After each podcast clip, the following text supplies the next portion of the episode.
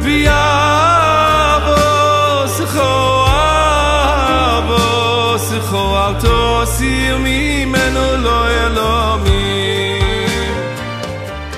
שלום לכולם, אנחנו כאן שוב בפודקאסט 10 דקות של עיון בענייני חנוכה.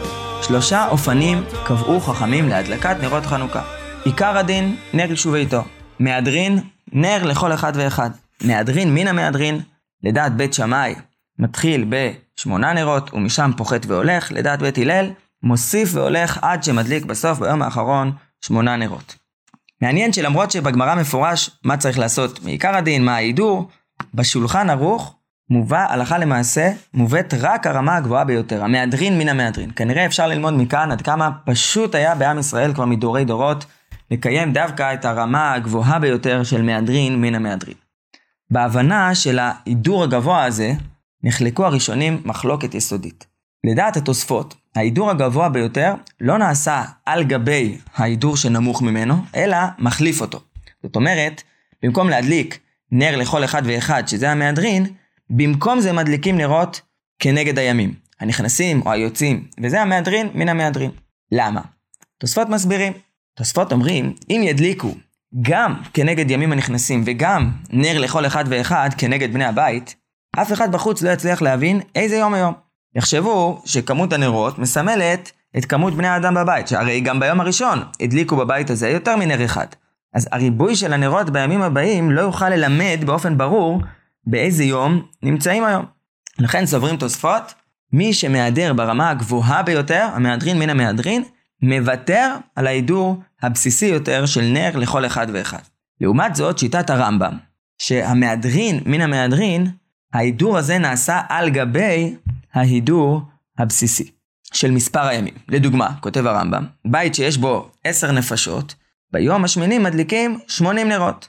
נשאלת השאלה, למה הרמב"ם באמת לא חשש לדברי התוספות שלא יבינו איזה יום היום, איך ידעו ביום השמיני שזה היום השמיני, יש 80 נרות? האחרונים מסבירים שהמחלוקת הזו של התוספות והרמב"ם היא מחלוקת בהבנת היסוד של ההידור הגבוה ביותר של המהדרין מן המהדרין. מה הנקודה בהידור הזה? מה העיקר? האם העיקר הוא להדליק באופן שיהיה ניכר היום המסוים מימי החנוכה, אולי כאיזה דגש על זיכרון הנס המיוחד שהיה ביום הזה דווקא, או שהעיקר הוא ריבוי הנרות. לפי תוספות, ההידור הגבוה ביותר, מטרתו להראות באיזה יום אנחנו נמצאים מימי החנוכה.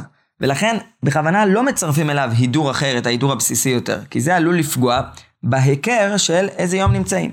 הרמב"ם לעומת זאת סובר שהעיקר הוא ריבוי הנרות, ריבוי האור. תוספת הנרות במהלך הימים זה לא שיש בה איזה עניין עצמי, דווקא מספר כזה או מספר אחר. העיקר הוא ריבוי האור. עשו איזשהו סימן שמטרתו בסופו של דבר ליצור ריבוי האור, פרסום הנס ברמה הגבוהה יותר.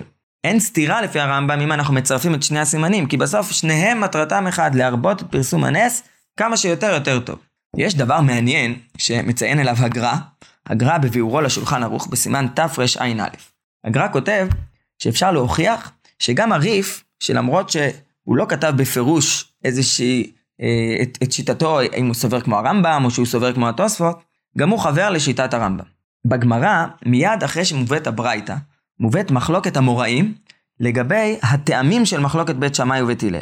האם הטעמים שלהם נובעים מהמחלוקת האם ראוי לעשות את ההיכר כנגד ימים הנכנסים, שיטת בית שמאי, או כנגד ימים היוצאים, שיטת בית הלל, או שהמחלוקת שלהם נובעת מהשאלה האם ראוי לעשות את הסימן של הדלקת הנרות כנגד פרי חג הסוכות, קורבנות חג הסוכות הולכים ויורדים, זו שיטת בית שמאי, או שהטעם העיקרי הוא מעלין בקודש ואין מורידים, וזו שיטת בית הלל שמוסיפים נרות.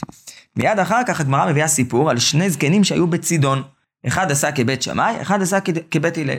זה נותן טעם לדבריו כנגד פרי חג, וזה נותן טעם לדבריו דמעלין בקודש ואין מורידים. זאת אומרת, הטעמים שנתנו שני הזקנים, כל אחד לפי איזה בית, בית שמאי, בית הלל, שכמותו הוא פסק, הטעמים התאימו להסבר השני של האמוראים בהבנת המחלוקת. זאת אומרת, למסקנה, הטעם של בית הלל הוא שמעלין בקודש ואין מורידין, ולא הטעם של כנגד ימים היוצאים.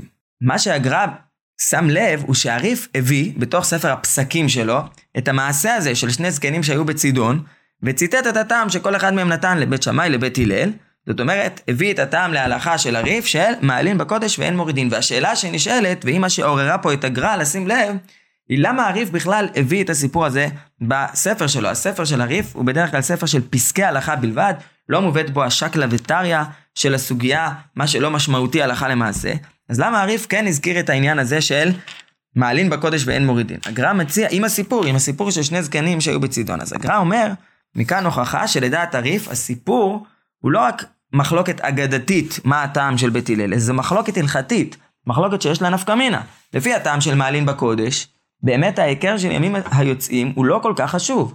העיקר זה ריבוי האור. ממילא, מעלין בקודש, ההידור הולך ומתעצם, הפרסום הנס הולך וגדל. מעלים בקודש, מגדילים את הפרסום. אין שום סיבה לפי זה שנוותר על ההידור הראשון של נר לכל אחד ואחד, ולכן טוען הגר"א יש לנו הוכחה מזה שהריף הביא את הסיפור בגמרא, שהוא סובר עקרונית כשיטת הרמב"ם ולא כשיטת התוספות. הבית הלוי על התורה, רבי יוסף דוב סולובייצ'יק, אביו של רב חיים מבריסק, סבא רבא של הגרי"ד סולובייצ'יק שקרוי על שמו, שחי בדור האחרון, הבית הלוי, בספר שלו על בראשית, יש קונטרס קצר על ענייני חנוכה. ובקונטרס הזה הבית הלוי מציע נפקא מינה נוספת למחלוקת התוספות והרמב"ם. מה הדין? אדם שיש לו ביום השלישי של חנוכה רק שני נרות. מה עדיף? שידליק ביום השלישי את שני הנרות, או שידליק רק נר אחד? שני נרות ביום השלישי. אומר הגריד, לפי התוספות שהעיקר הוא ההיכר של הימים, אין שום עניין ביום השלישי להדליק שני נרות. אפשר או להדליק נר אחד, או להדליק שלוש נרות. אבל להדליק שני נרות ביום השלישי זה חסר משמעות. אבל לפי הרמב"ם אומר הגריד שהעיקר הוא ריבוי האור, והטעם המרכזי של בית הלל זה מעלין בקודש, אז הרי ביום השני האדם כבר הדליק שני נרות. אז יכול להיות שביום השלישי אסור לו לפחות ולהדליק רק נר אחד. ובכל מקרה יש עניין להדליק כמה שיותר נרות, אז מסתבר, אומר הגריד שלפי הרמב"ם, ביום השלישי אם יש לו רק שני נרות, הוא עדיין ידליק שני נרות ולא רק נר אחד. מה ההלכה למעשה? כידוע, גם בשאלת ההלכה יש דבר מעניין מאוד. השולחן ערוך פוסק להלכה כשיטת התוספות, שביום השמ... השמיני מדליקים שמונה נרות גם עם בני הבית רבים. הרמ"א מזכיר את המנהג שכל אחד מבני הבית מדליק. והתז במקור מעיר שכאן יש חידוש במנהג, שהספרדים נוהגים כתוספות והאשכנזים כרמב"ם, וזה לא מצינו בשאר מקומות. זאת אומרת, בדרך כלל הפסיקה הספרדית ממשיכה את קו הפסיקה של הריף, הרמב"ם, דווקא הרמ"א האשכנזי בדרך כלל ממשיך את המנהגים והפסיקות שהם מופיעים בבעלי התוספות, התוספות וכאן התמונה התהפכה. אבל האמת היא שהתמונה היא עוד יותר מורכבת. האחרונים כבר שמו לב שאי אפשר בקלות לחבר את מנהג האשכנזים שמציין אליו הרמ"א, מה שאנחנו נוהגים היום, האשכנזים, שכל אחד ואחד מבני הבית מדליק, אי אפשר לחבר את זה בקלות לשיטת הרמב"ם. כי מי שמעיין ברמב"ם רואה שלשיטת הרמב"ם, גם אצל המהדרין מן המהדרין, נכון שמדליקים 80 נרות, אבל לא כל אחד ואחד מבני הבית מדליק, אלא בעל הבית הוא זה שמדליק עבור כולם. לא כל אחד מבני הבית מדליק לעצמו. בעל הבית מדליק ביום השמיני 80 נרות, אם יש עשרה אנשים בביתו, וכולם יוצאים בהדלקה שלו. האמת היא שגם מהתוספות עולה בבירור, שבעל הבית הוא זה שמדליק הדלקה אחת עבור כולם, גם ברמה הגבוהה של המהדרין או המהדרין מן המהדרין, ולא כל אחד ואחד מבני הבית מדליק בעצמו. איך אפשר לראות את זה? הרי לפי תוספות, הבעיה הייתה שההידורים סותרים זה את זה, אבל אם כל אחד ואחד מבני הבית היה מדליק בעצמו, לא הייתה שום סתירה, לא הייתה שום בעיה. היה אפשר לעשות את שני ההידורים כאחד. כל אחד יעשה חנוכיה נפרדת, כל אחד ידליק את החנוכיה שלו כמו שאשכנזים נוהגים בימינו, ולא תיווצר שום סתירה, יראו כמה ימים, יראו כמה בני אדם יש בבית, והכל יבוא על מקומו בשלום. ברור אם כן שתוספות שאמר שיש סתירה, גם הוא מסכים להנחה של הרמב"ם, שבעל הבית מדליק עבור כולם, וממילא לעשות את שני ההידורים זה באמת יוצר בלגן בעניין הזה של היכר הימים, אבל הרמב"ם ותוספות נחלקו האם העיקר הוא הימים כנגד ימים היוצאים, או שהעיקר הוא ריבוי האור מעלים בקודש, כמו שהסברנו קודם לכן. ממילא עולה השאלה, מה המקור למנהג האשכנזי הרווח כיום שהרמ"א מצטט? מה נקודת המחלוקת בין השיטה הזו, לפיה כל אחד ואחד מדליק לבד, לבין שיטת הרמב"ם והתוספות, שלמרות המחלוקת היסודית שראינו שיש ביניהם, שניהם שותפים להנחה שבעל הבית הוא זה שמדליק הדלקה אחת עבור כל בני הבית. כמי נוהגים האשכנזים. כל זאת ועוד, בעזרת השם, בפרק הבא.